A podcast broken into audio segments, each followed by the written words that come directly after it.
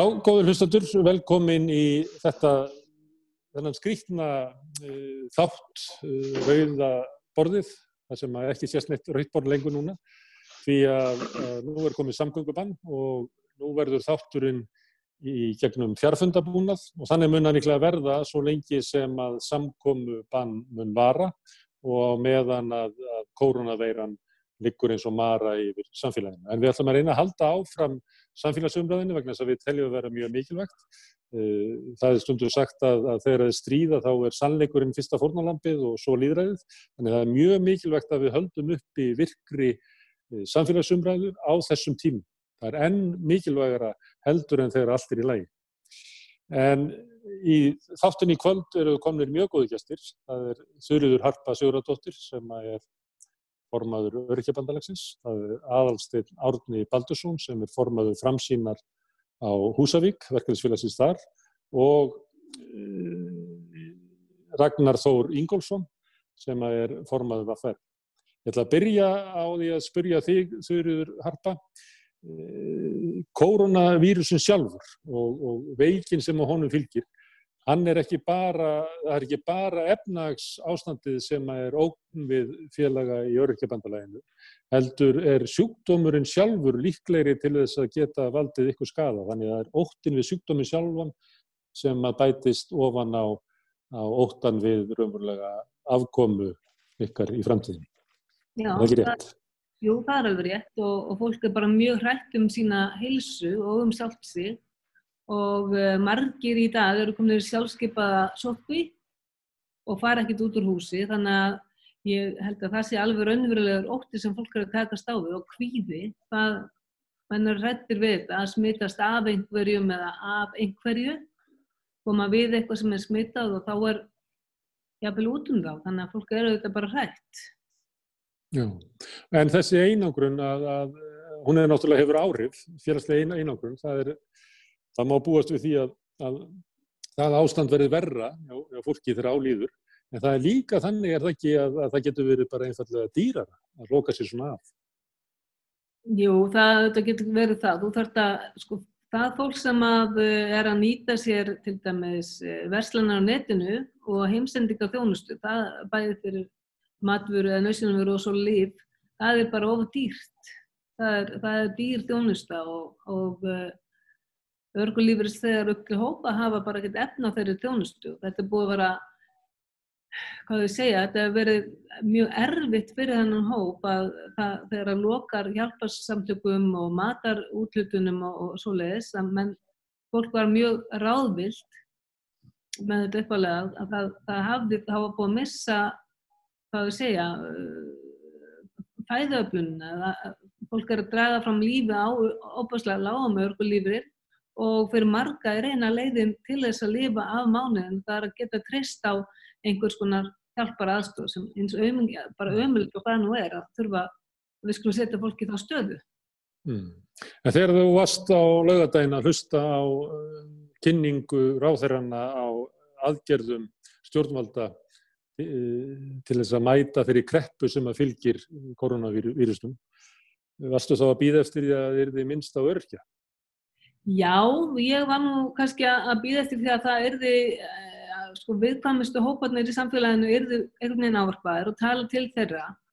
Og uh, ég, svona, þegar menn er að tala um það að hérna þurfa að tryggja fólki framfæslu sem hefur haft 400 krónur að minna að það verið að skerða þann, þann, þann hóp, þá hópa að þá hugsa maður auðvitað til hópsin sem er á helmingi legri framfæslu og það er engin að tala um að tryggja því fólki uh, eðlilega réttmæta framfærslu sem er náttúrulega eiginlega, þarna sjáum við bara viðurkenningu stjórnvalda á því hvað þarf til að lifa af.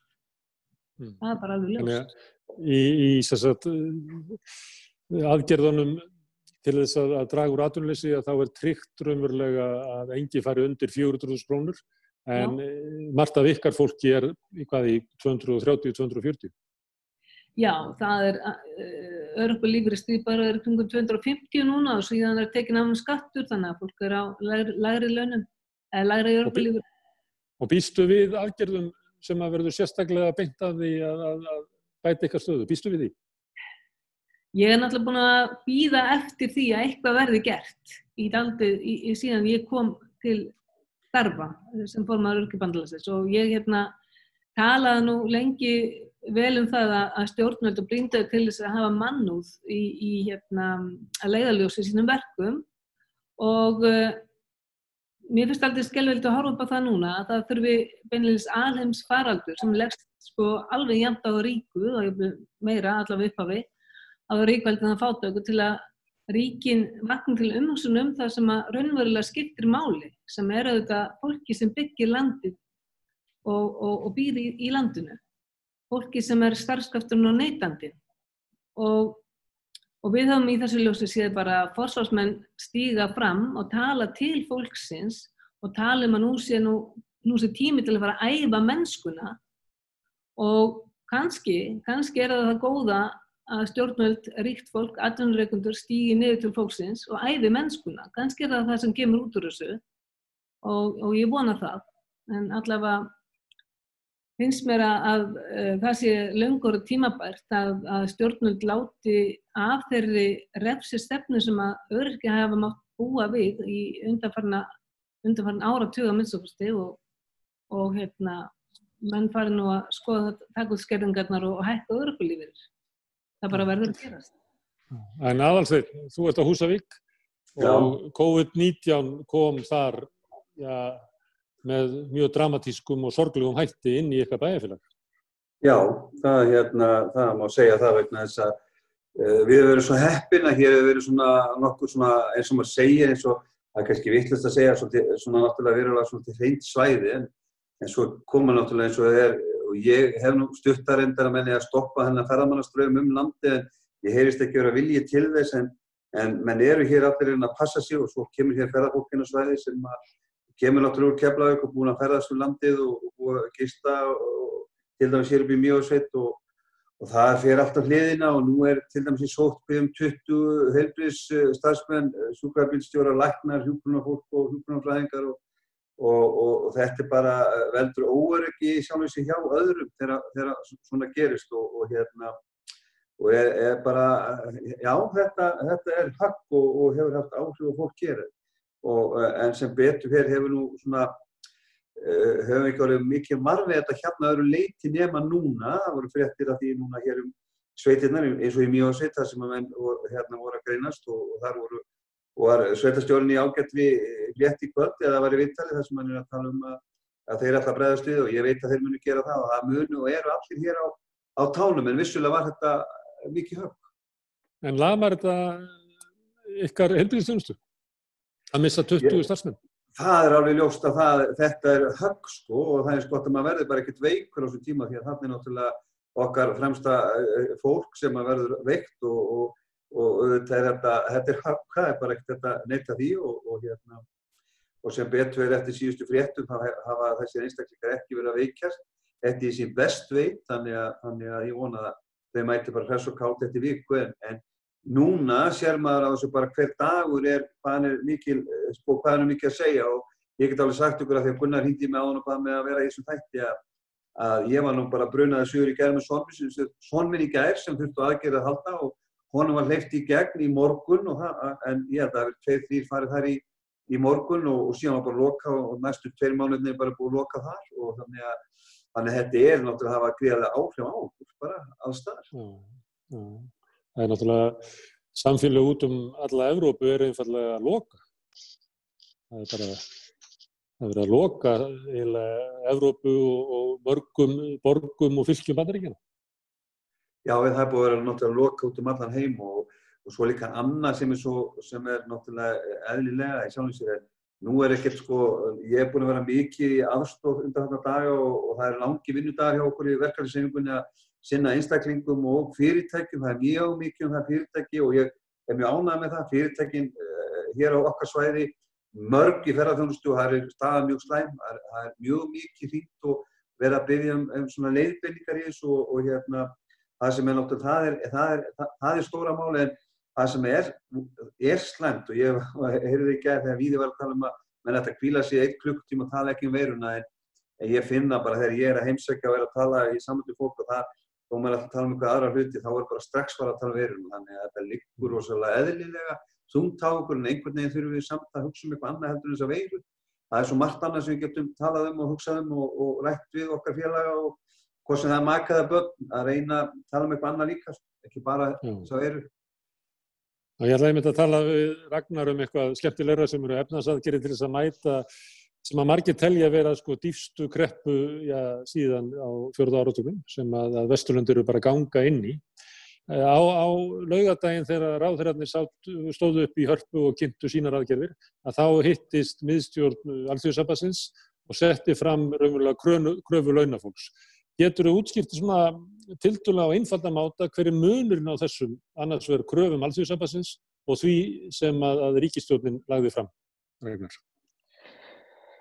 Já, í gróðum dráttum uh, var það þannig. Þetta hafði þessast ákveðin aðdraganda uh, eins og aðarstitt kemur inn á að þá hefur við verið að vinna mjög mikið uh, svona, ég veit ekki hvort að maður er að nota orðalagi baku tjöldin, heldur vera að, að reyna að tryggja hagsmunni okkar félagsmenna, almennings og heimilana Uh, í þessum aðgerapökkum ríkistjóðan. Tryggja það að, að eh, heimili verði ekki skilin eftir enn eina ferðina og uh, við vorum sérst í góður í trúum við værum búin að ná til dæmis lámastekjutryggingunni tölvört ofar heldur en hún var, þar að segja uh, fyrst í 450.000 og vonuðust til þess að, að hægt væri að tryggja fólki með um 500.000 krónir í laun 100% eh, afkomutryggingu. En þetta var skorið niður niður í 400.000 og það voru vissulega mjög mikil vonbriði og e, það, e, okkar matir það að það muni auka verulega á atvinnuleysi, þar að segja að það verða fleiri sem að, sem að treysta sér ekki í þessi úrræði eða hlutast þessu úrræði stjórnvalda, þar sem að Eh, fólk með 450 krónur á mánuði í laun eh, það munar um hvert þúsunkatt alveg eins og hjá eh, örgjum og, og bara öllum sem eru undir þessum tekjumörkum. Og ef við erum að horfa til dæmis á það að einstakleikum með 445.000 er skertur um 45.000 krónur þetta er bara meiri hátta mál. Eh, síðan eh, í öllu þessum aðgerapakka sem að fyrst og fremst snýra því að e, já, opna fyrir fjármálakerfið, lækka bindiskildu, þannig að fjármálakerfið getur leikið sem með uppbyrju 350 miljardar til þess að, að lána út og hluta því að sé með ríkisábyrð, einhver brúalán, það verðist vera allt mjög óljóst og þannig verða að treysta aðilum fyrir gríðalum fjármunum uh, skattgreðenda og í ábyrg skattgreðenda að það verða að treysta aðilum uh, til þess að uh, losa okkur úr þessari niðurseflu aðilum sem að hefur ekki verið treystandi hinga til. Og, og eins og ég segi að, að þegar við erum að suma þetta svolítið upp þessi eingreisla á barnabótum sem að skerðist síðan nokkur hratt og þá er þetta mjög lág upphæð sem að verður að setja í til þess að tryggja fólkið og heimilinn versus fyrirtæki. Ég er ekki að gera lítið úr því að við þurfum að, að það er mjög mikilvægt að halda ráðningasambandi millir fólks og fyrirtækja, bæði fyrir fyrirtækjum og fyrir fólki líka. Og sérstaklega mm. þegar kemur að því að reyna að vinna okkur síðan út úr þessu. En það sem að vantar algjörlega í þetta er til dæmis það að við hefum viljað sjá þessa, þetta lámark herra uh, fyrir það fyrsta og síðan líka eh, vantar aðgerðir eh, eins og er snúa til dæmis að verðtryggingunni, verðtriðum húsnæðislánum, að þarna verður einfallega að koma til einhver fristing. Við getum ekki leift þess að viðgangast einaferðinni enn að það kom hér mm. djúb niðursöfla, gengi fara á flót sem allt bendir til að gerist og þá svo láta heimilinn eh, með verðtriðaskuldur taka skellin. Við höfum mm. síðan verið að að vinna með leigufélugum sem hafa verið og munu bjóða upp á uh, lækkun leigu tímabundið í 3-6 mánuði. Uh, fólki á kostnaða lausu en það þarf að greiða það tilbaka yfir eitthvað tímabil. Bankarnir og lífrissjóðir eru búin að, að, bjóða fólki í greiðslu hlið en þetta eru allt úrræði sem að eiga að vera til staðar alltaf, vegna þess að fólk er alltaf að veikjast, fólk er að lendi í áföllum og fólk er að missa vinnuna uh, alla daga, allan náttúrulega hring og þetta eru einmitt þau úrræði, sem eru bara yfirleitt í staðar hjá uh, siðmentaðari ríkjum heldur en Íslandi mm. sem að uh, fjármálastofnarnir vinna með fólk en ekki mótu því og þannig að það er í þessum pakka er allt og lítið gert fyrir fólkið og heimilinn og þarna verið að spila að mínum að í rúsneska rúletu með heimilinn enn eina ferðina vitandi mm. það til dæmis að, að við höfum verið í góðu sambandi við stjórnendur stórmarkaða og, og, og, hérna, maturöðslanna og við erum að sjá alveg svakalega tölur í pípunum. Við erum að sjá bara heilsalar hækka þetta frá 3 upp í 7% síðan erum við að sjá eins og til dæmis hjá högum sem er að flytja mikið inn af, af fersku grænmeti þar erum við að sjá hækkanir upp á 50, 60, 70 upp í 110% og þá er gengisveikingin ekki einu svona komin inn í þetta og þar eru mm. skilabóðin erlendis frá að, að við getum allt eins búið okkur undir það að að uh, það verði sett útflutningsspann á fersku græmiti hjá byrgjum, erlendu byrgjum mögulega. Mm.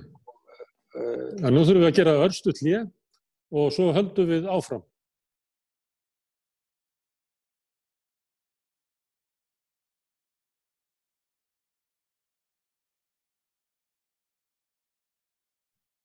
Já, velkomin aftur við Rauðaborðið. Við sittum hérna og ræðum afleðingar koronavirunar, kannski fyrst og fremst efnaðslegarinnar.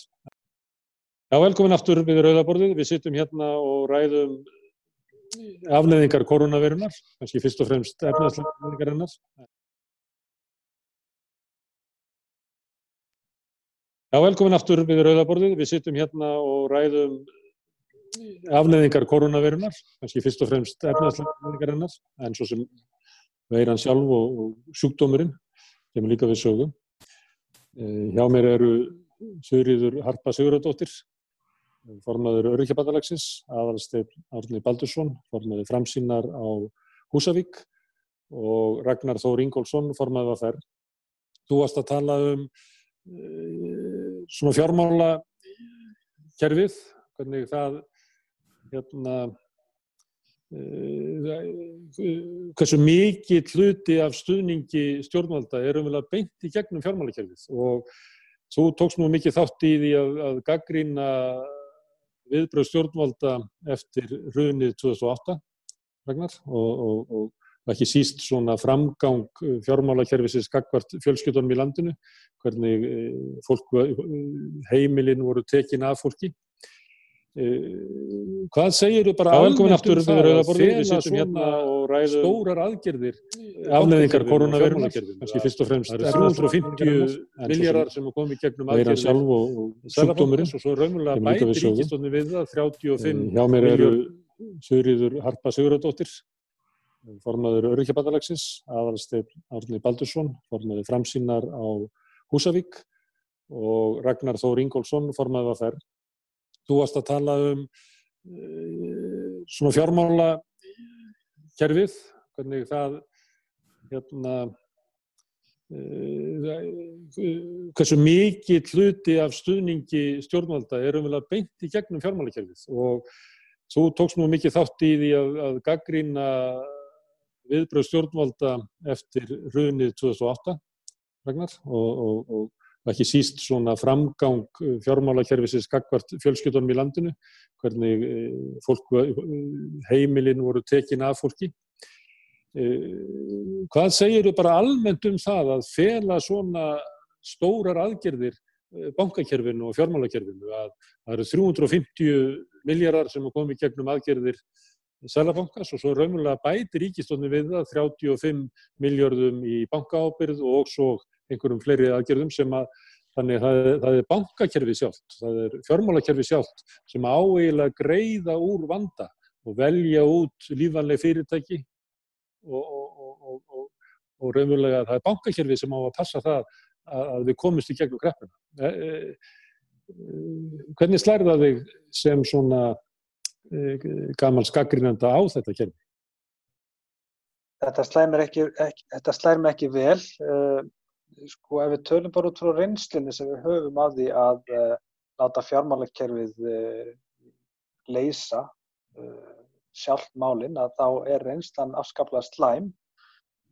Við sáum hvað gerðist hjá fólki sem var með bílalán, húsnæðislán, smarri og rauninni líf, lífanleg fyrirtæki sem voru bara hirta fólki.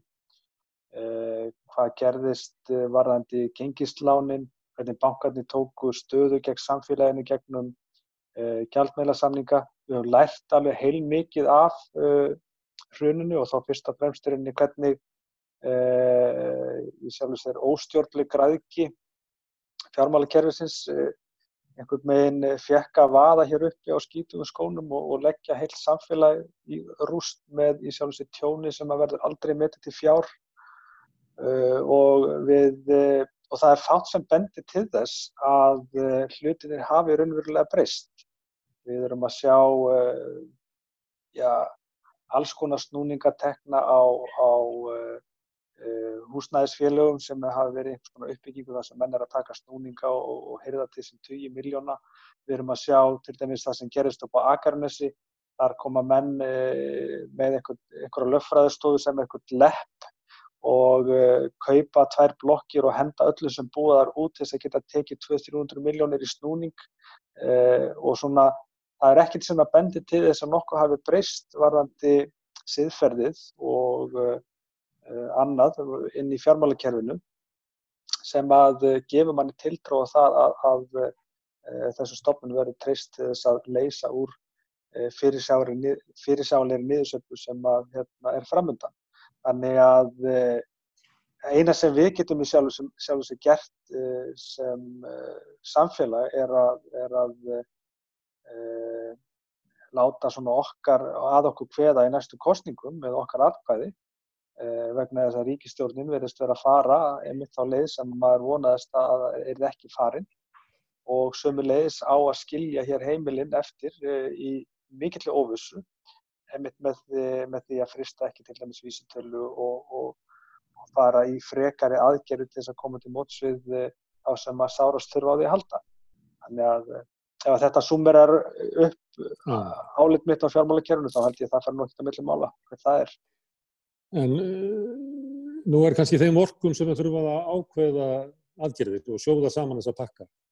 Eh, Marti í pakka ríkistjórnarinnar ber svolítið merki þess sem að var verið að ræða um á heimsvísu kannski fyrir tveimur eða þremur vikum. Það sem hefur verið að gerast undarfattan daga eru umvöla miklu róttakari aðgerðir. Það sem að, að heilu samfélagin eru umvöla bara að loka öll. Til þess munurinn á dönsku aðgerðunum og þeim íslensku að dönsku aðgerðina snúast um það að, að borga fólki laun til þess að mæta ekki vinna. Það meðan að íslensku aðgerðunar eru svona eins og þessi væntingur um að sé hægt að halda aðtunlífinu á einhver leiti gangandi í gegnum þetta. Núna í kvöld voru að koma e, samkomu bann í, í Hollandi til fyrsta júni sem að, að bendi til þess að það er bara að loka Hollandi í þrjá mánuði og aðgerðinar í Danmörku þær eru líka um það að það er bara að loka Danmörku raunverulega í þrjá mánuði, það er bara að setja allt á frost. Það er hérna, fólkinu að borguð laun til þess að, að hérna, lifa af en allar hérna, greiðslur á leigu, afborgunum og öðru slíku, fjármálakerfi sjálft, er eiginlega frist. Getur verið að, að stjórnvöld og verkefæliðsefningi kannski líka, til þess að, að reynir að hafa áhrif á stjórnvöld, erum við kannski bara að endur skoða svona grundvallar hugsununa á baku aðgerðnars. Grípi bóltana. Það, það er öllum ljóst að þessar aðgerðir eru mjög fyrirtækja miðaðar og uh, ef við tökum bara til dæmis Danmörku, það, þar eru til dæmis þessi, þessi launatrygging, hún er herri heldur en hérna heima, hún er 460.000 ef ég reknaði þetta út frá gengi dollars og það er líka mjög ódýrar að lifa. Mm. Þannig að það er svona meira hugsað um fólkið svona í fljótu bræð þar en, en, en það eru rosalega fyrirtækja miðar og þetta er þá líka spurning, getum við treyst Eh, fyrirtækjunum getum við treyst þeim eh, til þess að sjá alfarið um það að rástafa því sem til skiptana eh, á sangjarnar náta og sömulegis fjármálakerfinu getum við treyst þessu kerfi sem að hefur sínt það svo uh, grímulöst að, að menn eru tilbúinu til þess að nánast gera hvað sem er fyrir gróðan að ég held bara ekki því miður Mm. og, og, og, til dæmis eitt vittnisspörður var nú bara að koma í fréttum í dag það sem að bankar og lífyrsjóður, lífyrsjóðunir okkar sem að við fólkið eigum og eru stæðstu eigendur uh, fyrirtækjana líka að uh, þar sem sagt ætla þeir að veita fyrirtækjum greiðslufrest í alltaf sex mánuði uh, á meðan fólki verður veittur möguleik og greiðslufresti í alltaf þrjá. Það er einhvern veginn allt sem að kemur, uh, það, er, það hallar alltaf á fólki og þess vegna þurfum við í verkefnisreifinguna að standa núna í lappirnar og bara samfélagið allt standa í lappirnar með það að, að það verði aðgerðir eins og fristing á vísitöldir verðtryggingar og ýmislegt annað, það verði farið í raunverulegar aðgerðir sem að munu þó allavega eh, eh, komi í veg fyrir að eh, hér verði þúsundum heimila fórnað enn enna ferðina í enn einni niðursöpu. Hvernig lítur þetta við þér aðalstætt? Að, að, það er nú oft hannig að, að verkalýsfórustan út á landi er í meiri návíi við fyrirtækin. E, treystir þú fyrirtækjunum til þess að, að, að annars vegar bankakerfinu til þess að velja lífanlega fyrirtæki og síðan fyrirtækjunum til þess að deila raunverulega gæðanum út til almennings?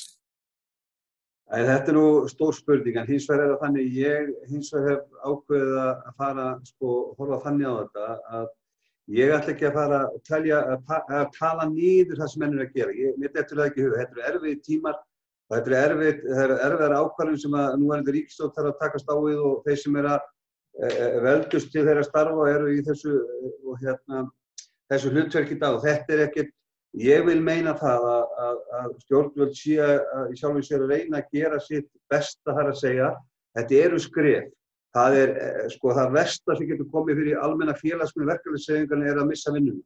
Og þess vegna skilja það mjög vel að ríkistjórnir sé að reyna að koma til mótsfjörfyrirtækin, að reyna að gera eitthvað til sem að geti haldi áfram hérna úti aftunistarðsemi.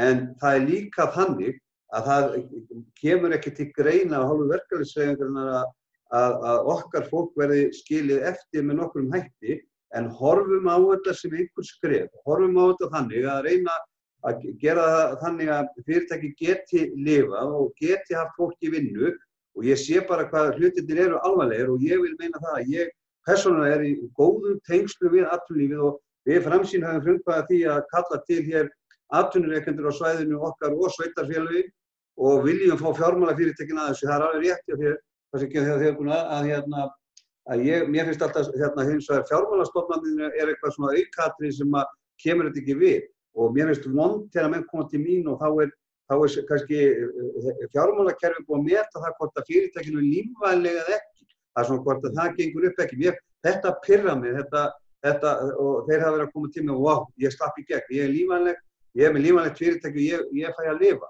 Og þetta finnst mér, finnst mér vond en ekki gera lítið úr því að þetta eru erfiði tímar og við þurfum að komast í gegnu þá og það kom alveg rétt hjá góðum hérna baróttu formanni öryrkja hver staðan er hjá þeim. Og ég segi líka hjá okkar fólki sem er á lægstu laununum sem er jafnvel að missa vinnuna með í kringum 300 krónur á mánu í laun að vandi þeirra er mikill. Og ég, ég vil gera og segja verkefælisíkjum að gera allt sem það getur til þess að halda þessu fyrirtækjum hérna gangandi. Og svo er annar hópur sem að sem að ég á bara eftir að kynna mér aðeins betur hver staðan er hjá.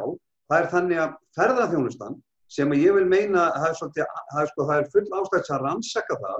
Ferðarþjónustan hefur blómstra hér á síðust árum en hvað er, er bufferið eða hvað er, sko, þannfóli hjá, hjá ferðarþjónustin til þess að takast á þessuna vandamál eins og, eins og hérna, sjáratöðurum þurft að gera þegar er endalins loðnubrest.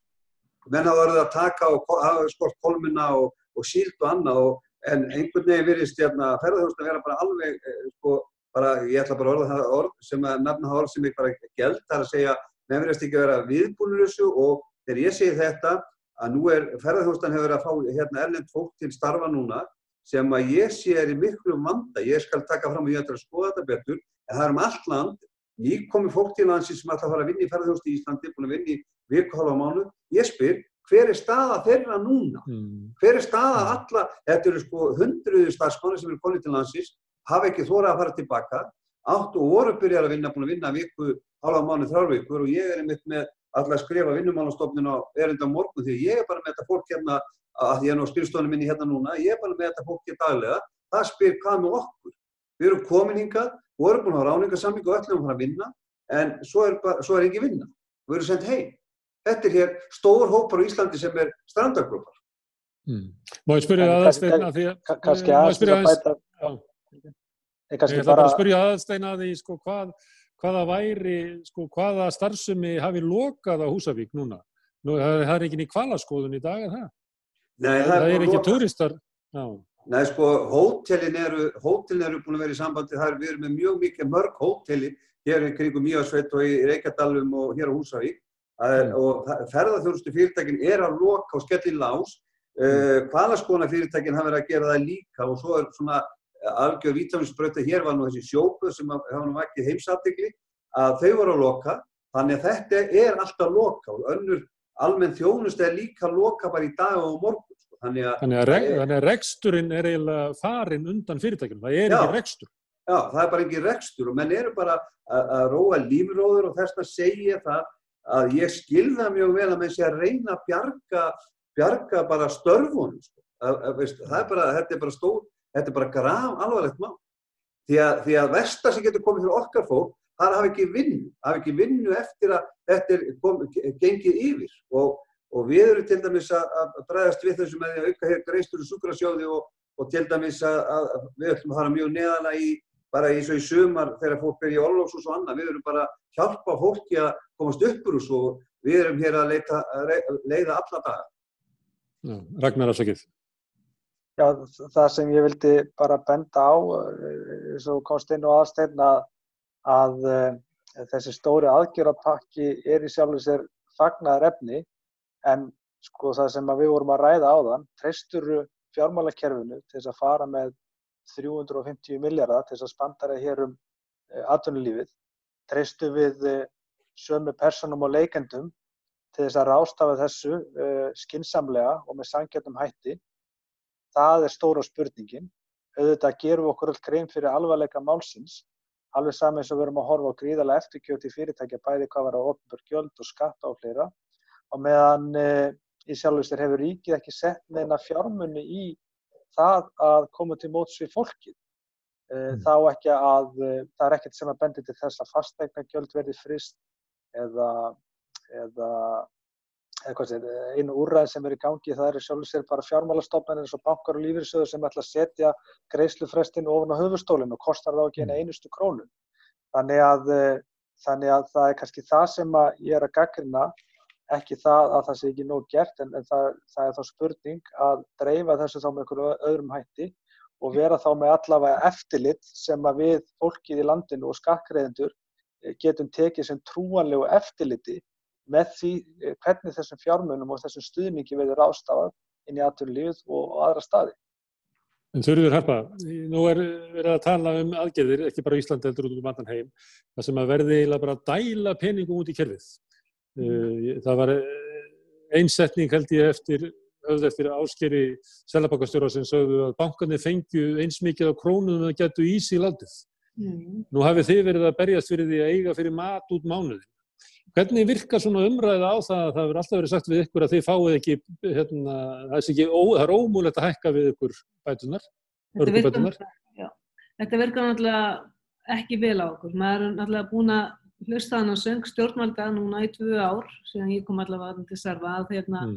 er aldrei, er aldrei til peninga fyrir örgja. Hvorki þegar það er góðari eða þegar það er, er hérna, eins og núna einhver krepp ástand og, og við erum maður bara horfir á það, nú eru sko í fyrri kreppu 2008 þá völdu og gáttu stjórnvöld farið tvær áttir, það gáttu tekið utanum ennum hóp eins og öryrkja og, og, og heimilinn og ímslega fleira sem þau gáttu gert betur. Og þau gerðu það ekki og nú sjáum við það að fólk situr eftir stórhópur uh, öryrkjar og þeir hafa fólk var að koma til okkar bara grátandi núna hérna, af því að það hafði eitthvað mat bara, og það var komin 15. mánuðarins mm. þetta var fólki sem var búið að treysta á það og búið að læra hennar það eina leginn fyrir það til að lifa af mánuðin það var að, að vera einhvers staðar í matargjöfum og þetta er náttúrulega algjörlega óþólandi og maður fær þetta mjög áþræðanlega þegar maður þegar við lendum í því ástanda að hér loki einhverju hjálpastofnir og, og ég segi bara núna hafa tækifæri, stjórnund aftur tækifæri í hvað átt ætlaði að fara út úr þessari kreppu, eða maður kalla þetta alveg kreppu. Og ég vona svo sannlega að þau beri gefð til þess að bara að halda auðvitað fólkið og, og uh, hýfa upp þessa hópa sem að verst standa og viðkomistur eru í þessu samfélagi og hérna af því að þeir voru að tala um að strákarnir varðandi sko að berga heimilum og, og atvinnurekstri og að hafa störf. Við sáum það náttúrulega eftir síðustu kreppu að þar tapaði fólk heimilsinum og það tapaði heilsunni í stórum stíl og, og við erum ekkert búin að býta um ná, nálinum það að, að öryrkjum fjölgaði og þarna er hópur af fólki sem að misti allt sitt sem að hefur aldrei náð sér og ef við erum að fara í gegnum annað svona, já einhvern veginn hrun að þá getum við kannski ef að stjórnum passa, passa ekki vel upp á, á heimilinn og fólki í landina þá sjáum við kannski annað hrun þar sem að þar sem að e, fólku veikist bara bóstæðilega og hérna kemst ekki aftur til vinnufærni, missi vinnufærni. Nei, Drífa Snædal, fórseti Alþjóðsabastins var hérna á förstu daginn við Rauðaborðið, þannig að fólk móndi enn hittast mm. og meðal þess sem hún sagði var það að, að það væri veik stjórnaranstæða og það væri mjög mikilvægt að væri stjórnaranstæða á svona hættutímum því að við þekkjum það bara úr sögunni að þeir eru svona hættutímar að þá þá eh, hérna, geta stjórnvöld hleyft í gegn alls konar ákvarðunum með, gegn lítilli anstöðu og hún sagði að, að verkalýðsreifingin væri raunverulega stjórnaranstæða kakvað þessar ríkistjórn. Hvað segir það? Ég, þú ert ánað með það? Yeah. Sko, kannski, kannski, kannski til þess að bæta ofan á það sem Þurriður Harpa var að segja á þann að sko það er uh, naburlega staðurinn að uh, það er ennþá hópar og fólk sem er að súpa segið af síðasta hrunni sem var hérna fyrir 12 árum síðan mm. Uh, og margir og það er ennþá til dæmið það að fólk sé ekki ennþá búið að leysa úr til dæmis uh, vandræðum tengdur hruninu varðandi mm. lánsveð frá hjá fóruldrum, varðandi uppgjör skulda við banka og fjármálastofnanir ég veit ekki til þess að fólk hafi þurft að setja af sér uh, slíkan dóm jafnvel fyrir alvarlegustu óbyrdiskleipi að þurfa að setja undir slíku í, í þetta langan tíma. Og svo erum við að gangi gegnum aðra niðurseflu og við getum ekki gert uh, við getum bara ekki gert þjóðinni að, að hún verið skilin enn og aftur eftir í einhverju svaði ef að uh, fjármálakerfinu, böngunum og atvinnulífinu tekst ekki að spila vel úr þeim fjármunu sem þeir, þeim er trist fyrir að, að rásta á. Herðu, en þetta, ég ætla að skilja bara spurningur eftir með stjórnarhansstöðuna eftir í loftinu. Á hverju? Uh, að því að tímin er liðin hjá okkur. Það er hérna, að vera að veifa mér að við verðum að hætta. En ég býst við að ég fá ykkur öll á, á setna inn í við, við rauðaborðið til þess að ræða þetta því að hugmyndin kannski er að að við verðum að búa til eitthvað vettvanga sem er að ræða önnur sjónamið heldur að þau sem að koma kannski fram í kastlúsi. Ég held að ennit ráðherran hafi verið í kastlúsi kvöld og það er yfirleitt bara stjórnvöld sem að, að, að taka yfir alla meginströms umræðu vettvangsið. Við höfum ekki möguleika á því að efna til